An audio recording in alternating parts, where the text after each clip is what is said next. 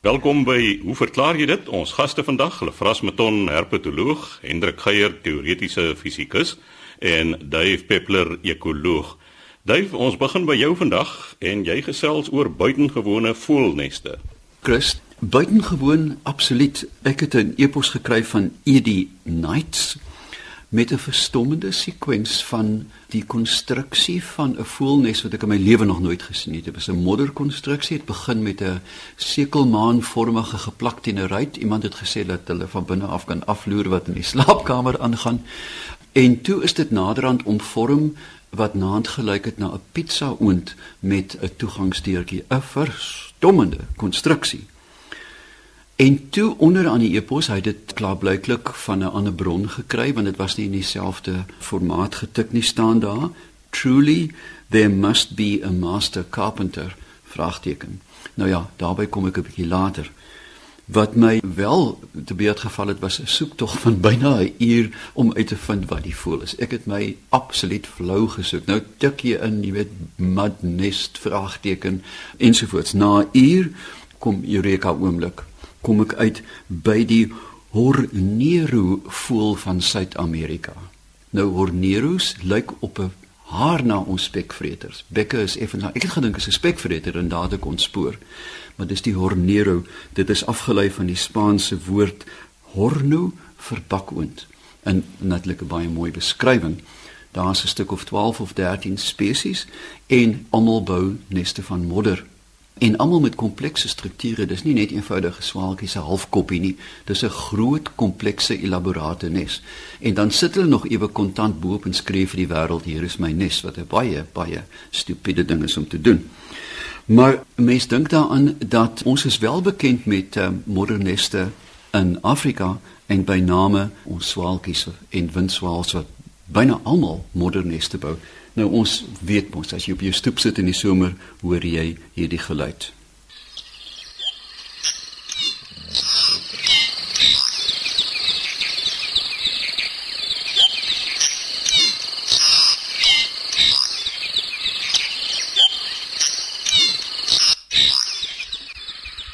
Hierdie is die geluid van die bekende klein streepswaal, die bekende voeltjie op 'n stoep wat elke jaar terugkom.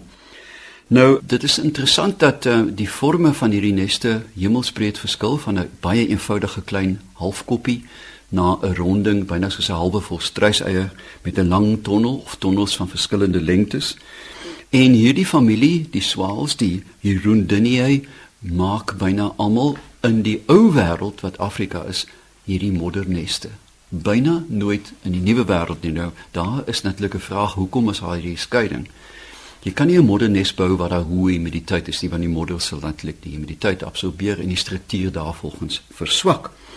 Hierdie voëls is ook migreerders, hulle vlieg oor kontinente heen, maar nou kom die vraag uit waarvoor is modder dan 'n boumateriaal by voëls? As daar stokkies en takke in die omgewing rond lê, daar is nie oral stokkies en takke nie. Dink byvoorbeeld aan die Karoo, Ariede Karoo. Hulle vrassel weet waarvan sy interessante akketusse voorkom. Dit is 'n graslose karoo en 'n stokkie verg energie om af te breek as hy nie geval het nie. Kyk 'n bietjie as jy deur die karoo ry by byna elke droë loopie met 'n brug oor die pad, is daar miskien honderde van die klein windswaals, veral in die oggend en die aand swerm hulle soos bye daarom. En dan moet hulle natuurlik by die brug waar daar skaduwee is en die modder die langste sal bly, modder optel. Dit meng met speeksel en dan hulle eie soortige neste begin bou. Daar is wel ander swaals wat in houtkapper neste, gate nes maak. En natuurlik wat ons ook weet van die Okavango, daar is 'n hele aantal swaals, veral van die sagvin swaals, die swart sagvin wat sy nes in 'n grondwal maak en dit uitgrawe of 'n nes oorneem van ander voëls. Die uitsondering by ons is natuurlik die palmswawel wat in die takke of die blare altans van palmbome Dis 'n vreemde voël, spookagtig, dun vlerke na agter gebuig en dit lyk byna hy vlieg soos 'n klein vlermuis en is onopsigtelik, maar dis een van my van die groot kentekenvoëls van savanna waar daar palms voorkom. Wat is die ander voordele? Hierdie neste is termies gebuffer. Dit is soos 'n huis, jy weet as dit koud word, neem dit 'n lang tyd vir die termiese puls om deur te gaan, so hulle is baie goed geïsoleer Hulle word uiteraard ook dan met 'n vertoonslaag binne uitgevoer.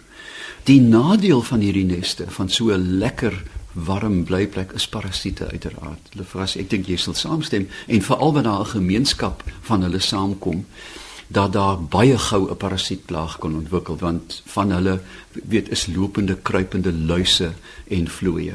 En as daar aardbewing kom, dan is daar kraak in die muur en dan is daar probleme. Aardbewings dink ek moet 'n mens aanvaar is deel van die normale bestel van die natuur en ek dink nie dat aardbewings se evolusionêre dryfveer in nes ontwerp is nie. Dit gebeur eenvoudig nie gereeld genoeg dat organismes daarbey kan leer nie. So met ander woorde my antwoord is ja, dit is nie ongewoon nie. Ons weet nou dat dit die Hornero voël is van Suid-Amerika. Waarom moderneste gebou word dat dit algemeen is in die voëlwêreld om niks te sê van perdebye en ander insekte wat ook met modder baie mooi nesies. Dit lyk binne na 'n miniatuur swaalnesie bou. Mens sien dit gereeld, selfs teen die swaalnes hulle 'n uh, wesp of 'n perdeby sy nes bou. Dave, jy het nou gesê hulle gebruik modder in die Karoo. Nou modder beteken water en Karoo beteken droog die meeste van die tyd. Wanneer bou hulle neste in die somer wanneer daar meer reënval is? Want modder kan ook 'n skaars ding wees en ek aanvaar die speeksel is maar net eintlik 'n gom wat bygevoeg word by die modder. Jy's doodreg, Lefras. Indien dit nie gereën het nie, is daar geen manier dat hulle met al die speeksel in die wêreld na 'n stofkoolting gaan en modder maak nie. Daar moet fisies modder wees.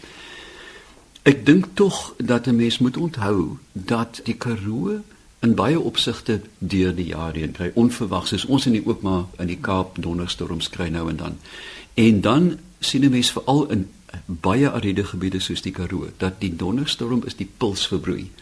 Met ander woorde, hulle sal sit en sit en sit en wag tot dit reën, glad nie nes bou nie en dan binne 3 tot 4 dae die hele konstruksie klaar maak. En dan besmoontlik wag na die nes bestaan dat daar insekte kom, maar nou is die huis klaar. Iets wat ek vergeet het om te sê as jy binne 'n kolonie van eensoortige diere bly, dan gaan iemand dalk jou huis ook afvat.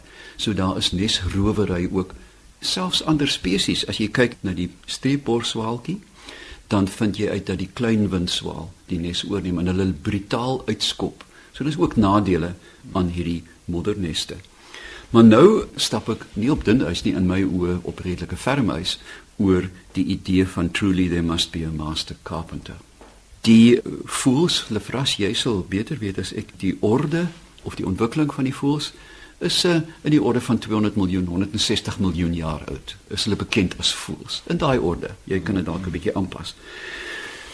Daar is verstommende getuienis nou in die geologie van die ontwikkeling van voëls veral en jy praat later daaroor veral uit China. Nou, wat 'n mens moet in gedagte hou, is dat voëls is die direkte afstammelinge, nou ons weet dit, daar is 'n paar teorieë van die dinosourus. Dis dis hulle op soort van oeroorsprong en die hemel weet as jy in die hoender se oog kyk, dan weet jy sommer. Jy weet hier is 'n gevaarlike dier wat die Hollanders noem domheidsmagd. Maar hoe dit ook al sê, ons weet dit dat die getuienis lê duidelik van hoender tot die dinosourus rex. Daar is 'n direkte lyn Die Engelse term missing link verlore skakel bestaan eenvoudig nie meer in die natuur nie of in die literatuur, veral nie in die zoologie nie. Die skakels is daar, elke nuwe ontdekking versterk eenvoudig wat ons weet. Daar is by my nie die geringste twyfel. Is dit nie mooi die naam wetenskap nie? Dit wat ons weet. Ek sê dit elke dag vir my. Dis die wetenskap. Ons weet dit. En daaraan moet 'n mens dink byvoorbeeld aan wat met die mens gebeur het. Nou Neandertal mense se argeologie leef in die orde van tussen 120 en 100 000 jaar in grotte. Die moderne mens wat kon praat is nie 'n dag ouer as 80 000 jaar nie. As jy dit wil verstaan, lees die werk van Curtis McNeen en Nina Jablonski. Hulle het dit ontsettend duidelik uitgepak. As jy dink dat hierdie mense ware mense Homo sapiens hoofsaaklik uit die Suid-Kaap, Mosselbaai die wêreld bevolk het en dat ons vandag Chinese, San Busman, Noorweers, Chinese, Japaneese met vreemde liggaamsvorme kyk na die Maasai byvoorbeeld. Dit het 80000 jaar geneem. Gee vir my 160 miljoen jaar en ek gee vir jou hoender wat vir jou motors aan mekaar sit. So ons vergeet van hoe lank dit geneem het wat hierdie ordes en diere ontwikkel het en daarom na my mening meneer Knights is hierdie 'n natuurlike uitvloeisel van evolusionêre druk oor 'n 160 miljoen jaar en ek dink mense kan dit beswaarlik toeskryf aan een meester skrynwerker. En so gesels Dave Peppler, ons ekoloog. Lefras, jy het 'n vraag ontvang oor 'n dinosourus met vier vlerke. Ja, Chris, dit is seker nou na aanleiding van 'n vorige program het ek en Yuri bietjie gesels oor voëls as die enigste oorlewende dinosourusse en dan was die vraag oor hoekom het voëls dan nie saam met ander dinosourusse uitgesterf so 65 miljoen jaar gelede nie.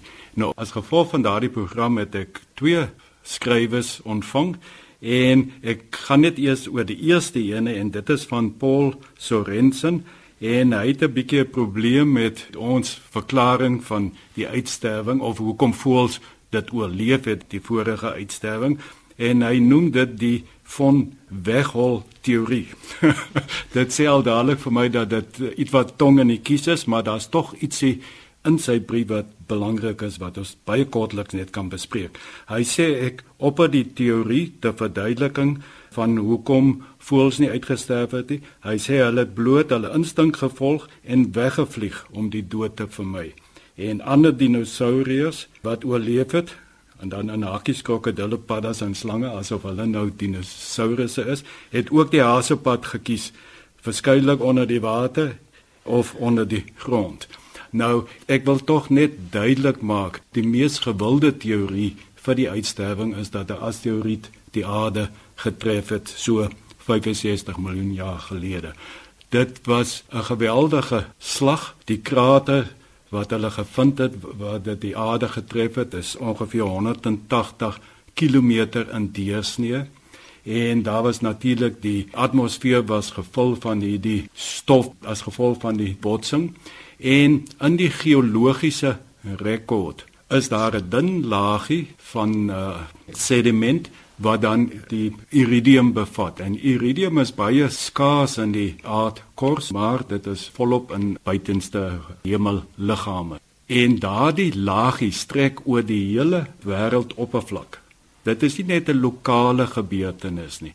Die slag daar waar die asteroïde die aarde getref het, ja, lokaal, maar alle diere en plante in daardie onmiddellike omgewing sou basies onmiddellik uitgewis gewees het. Ons praat nou hier van wat gaan op die res van die aarde gebeur en daardie stof in die atmosfeer het reg om die aarde versprei en al die diere op die aarde beïnvloed. So of jy nou vlerke het of ondergrond kan gaan, jy sal nie die nagevolge van hierdie botsing kon vryspring nie. En ons praat hier van 'n dag of 2 dae wat die stof in die atmosfeer was. Dit was 'n lang lang termyn en dit het oor 'n lang termyn dan uitsterwings en veranderinge tot gevolg gehad. Lefras, ja, ek kan nie onthou met hierdie spesifieke slag nie, maar dit was uh, in die orde van 5 of 6 jaar wanneer die atmosfeer verdonker is. Ons moet net daarbey ook onthou dat daar was hewige brande. Dit was nie net stof nie, die hele aarde het aan die brand geslaan. Met ander woorde ook die chemie van die atmosfeer het verander doodreg en as gevolg van hierdie botsing was daar veranderinge in die klimaat vir 'n relatief lang periode. Dan die tweede brief is dan nou ook baie interessant. Onlangs was daar 'n berig in die koerant oor die ontdekking van 'n dinosourus met 4 vlerke en 'n lang stert. Nou ja, as gevolg van hierdie berig het James Terreblans nou die volgende vraag Hy sê hy het nou gesien hierdie foto van vier vlerke en hy wil weet kan hierdie dinosourus nou as 'n vroeë voël beskou word en dan sê hy dit is moeilik om te dink dat 'n dier met twee stelle vlerke sou kon vlieg as die twee vlerke so ver van mekaar geleë is. Dis nou die voorbene en die agterbene. Ek is geneig om met hom saam te stem. Ja, ek kan nie dink dat 'n voël met twee stelle vlerke sou kon vlieg nie. Maar kom ons praat net gou vinnig oor hierdie ontdekking. Die ontdekking is al 'n hele paar jaar gelede gemaak, maar dit is nou maar eers gepubliseer. In China het hulle hierdie fossiel gevind. Hy is so 125 miljoen jaar oud. Dit is nie die eerste van hierdie wat gevind word wat dan nou vier vlerke en ek sê die vlerke in aanhalingsteken. Ek moet nou seker dan ook dadelik sê hoekom sê jy vier vlerke? Dit is gewone die voorste ledemate lyk dan soos voëlvlerke, hulle het lang penvere Maar dan die agterste ledemate, die bene nou as mens nou dit vergelyk met 'n voël vandag, het dan ook sulke lang penvere op. En hierdie illustrasie wat hier gemaak is in die koerantberig, lyk dit soos 'n vlerke. En dit is waar dit nou nou kom die gedagte van twee stelle vlerke. Dit is in China ontdek en daar is al baie ander fossiele van die dieselfde groep ontdek wat dan nou lyk of hulle vier vlerke het. Dit is nie voëls nie, dit is naverwant aan die groep waaruit ons moderne voëls ontwikkel het. Maar dit wys dat vere is nie beperk tot voëls nie. Dit het wyd onder die dinosourusse voorgekom. Nou, ek wil net baie kortliks iets sê. Sou hulle hierdie agterbene of agtervlerke kon gebruik in vlug? As mens net kyk na wat is die funksie van bene by voëls en by onthou al hierdie dinosourusse waar voëls uit ontwikkel het, hulle almal was tweepotig is. Hulle het op hulle agterbene geloop en die voorste ledemate was klein en was vir ander doelwitte gebruik. So hierdie dier het so ongeveer 4 kg geweg. Nou dit vir 'n voël is dit relatief groot. En as ons kyk na vandag se groterige voëls, baie van hulle om op te styg, moet hulle hardloop en as hulle kom land, hardloop hulle ook nog so eentjie en selfs alle ander voëls, die bene is baie belangrik vir die landslag. So voëls het bene nodig om ander funksies te verrig as om te vlieg. So die spiere is versterk om te kan hardloop of loop of klou of wat ook al.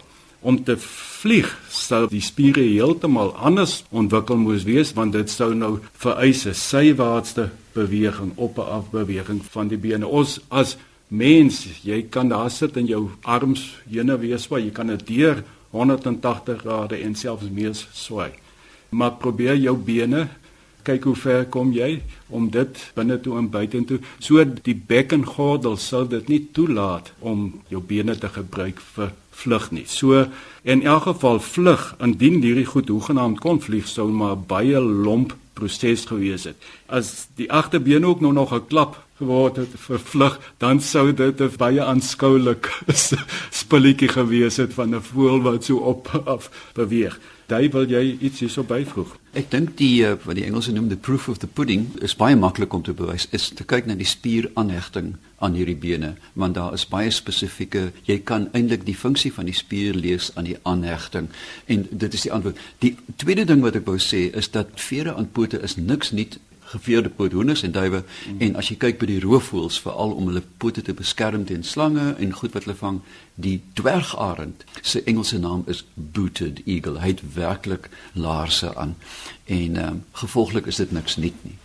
Ek wil dan nou net sê hierdie vere is nou bietjie anders. Dit is nie net vere nie dit is penvere soos in vlerkvere. So ek sou dink 'n meer logiese verklaring indien dit hoegenaamd betrokke was by vlug was dat dit sou kon help met sweef.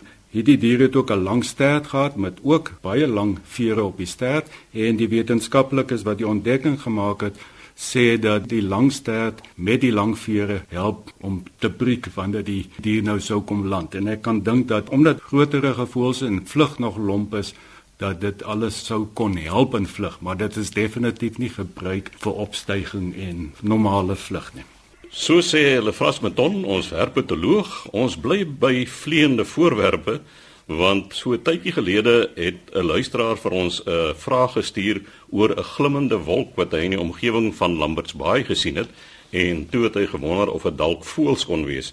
Nou Hendrik, jy gaan verder gesels daaroor.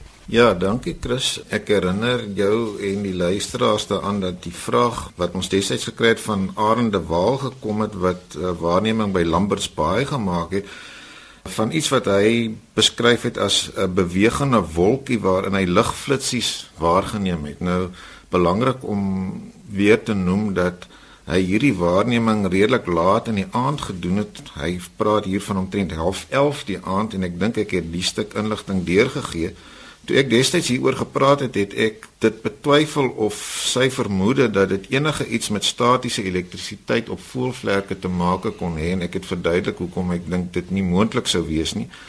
Ek dink ek het toe ook bygevoeg dat uh, mense in, in gedagte moet hou dat dit baie moeilik is om afstand in die donker te skat. En dit weet ons het nou nie die besonderhede van hoe helder die maan en ander liggewende omgewings die aand was en tot watter mate dit die skat van die afstand kon beïnvloed het nie. En ek het bespiegel dat dit miskien iets soos vuurvliegies kon wees. Nou ons het toe in reaksie hierop uh, en my uitnodiging aan die luisteraars om hulle eie mening hieroor met ons te deel het ons 'n skrywer van Servaas de Kok van Gansbaai gehad wat voortborduur het op die idee dat dit wel dalk 'n swerm voëls kon wees, maar sy beskrywing van 'n groepie kleinerige voëls met glimmende vere dink ek gaan op die ou einde eenvoudig nie op nie omdat Servaas of nie gehoor het nie of vergeet het of ek dalk nagelaat het om dit so pertinent te stel maar die prentjie waarmee hy werk is 'n situasie kort na sononder waar daar nou nog sprake van ligstrale wat bo kan die gesigseinder uitkom en op voël se vlerke sou kon glim sprake is maar dit is duidelik nie die geval nie. So dit lyk vir my dit is weer terug na die tekenbord en eh, as daar nou nog nuwe idees hieroor is dan hoor ons graag daarvan. Maar terwyl ons nou voelkenners en dierekenners hierby het, hoor ek graag wat hulle hieroor te sê het. Wat is die moontlikheid van maanlig?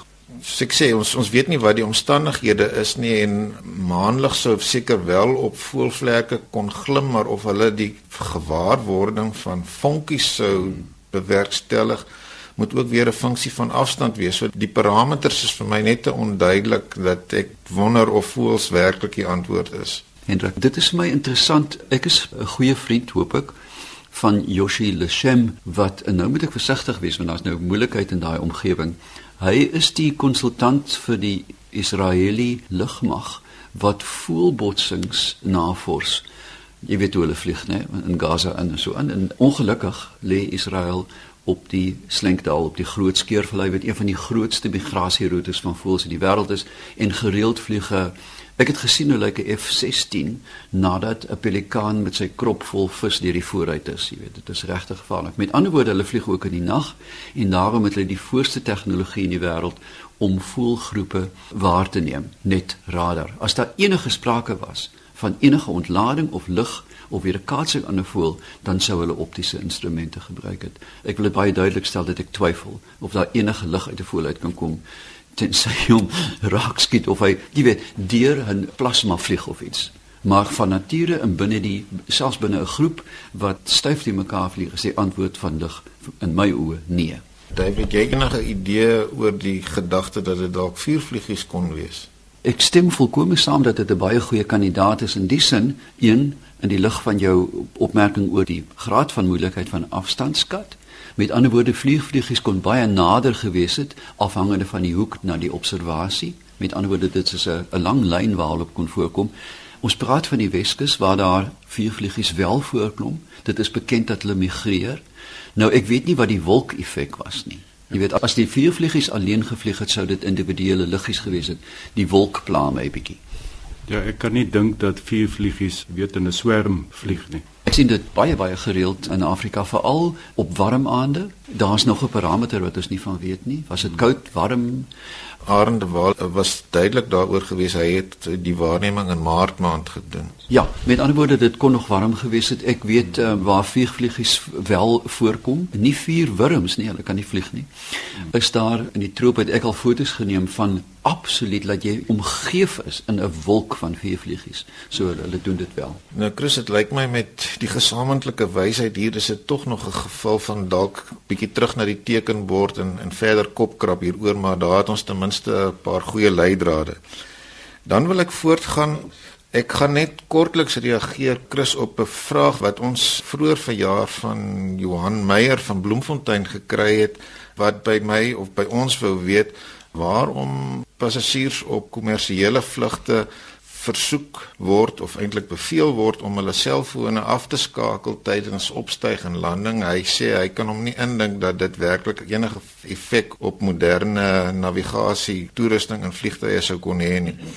Nou my beste soekery na 'n antwoord hierop uh, Johan is seker een waarmee jy ook vorendag sou kon kom as jy bietjie gesoek het of dalk weet jy teen die tyd al dit lyk vir my dit is werklik net 'n geval van versigtigheid wat die moeder van alle wysheid is. En dit lees 'n mens ook direk en tussen die lyne as jy kyk wat die Amerikaanse lugvaart owerhede oor hierdie aangeleentheid te sê het en ek dink dit is insiggewend dat hulle toenemend die aandrang hierop aan die verslap is en daar is sommige rederye lyk dit vir my waar dit eintlik nie meer so toegepas word nie en die gebruik van allerlei elektroniese toerusting ook by landing en opstyging lyk vir my is iets wat aan die ontwikkel is na die situasie waar daar waarskynlik eensstemmigheid sal wees dat dit nie meer nodig is nie. Maar vir die oomblik is dit skynbaar in ons almal se belang om aan voort te gaan met hierdie prosedure en so sê Hendrik Geier ons teoretiese fisikus. U is welkom om te skryf aan hoe verklaar jy dit?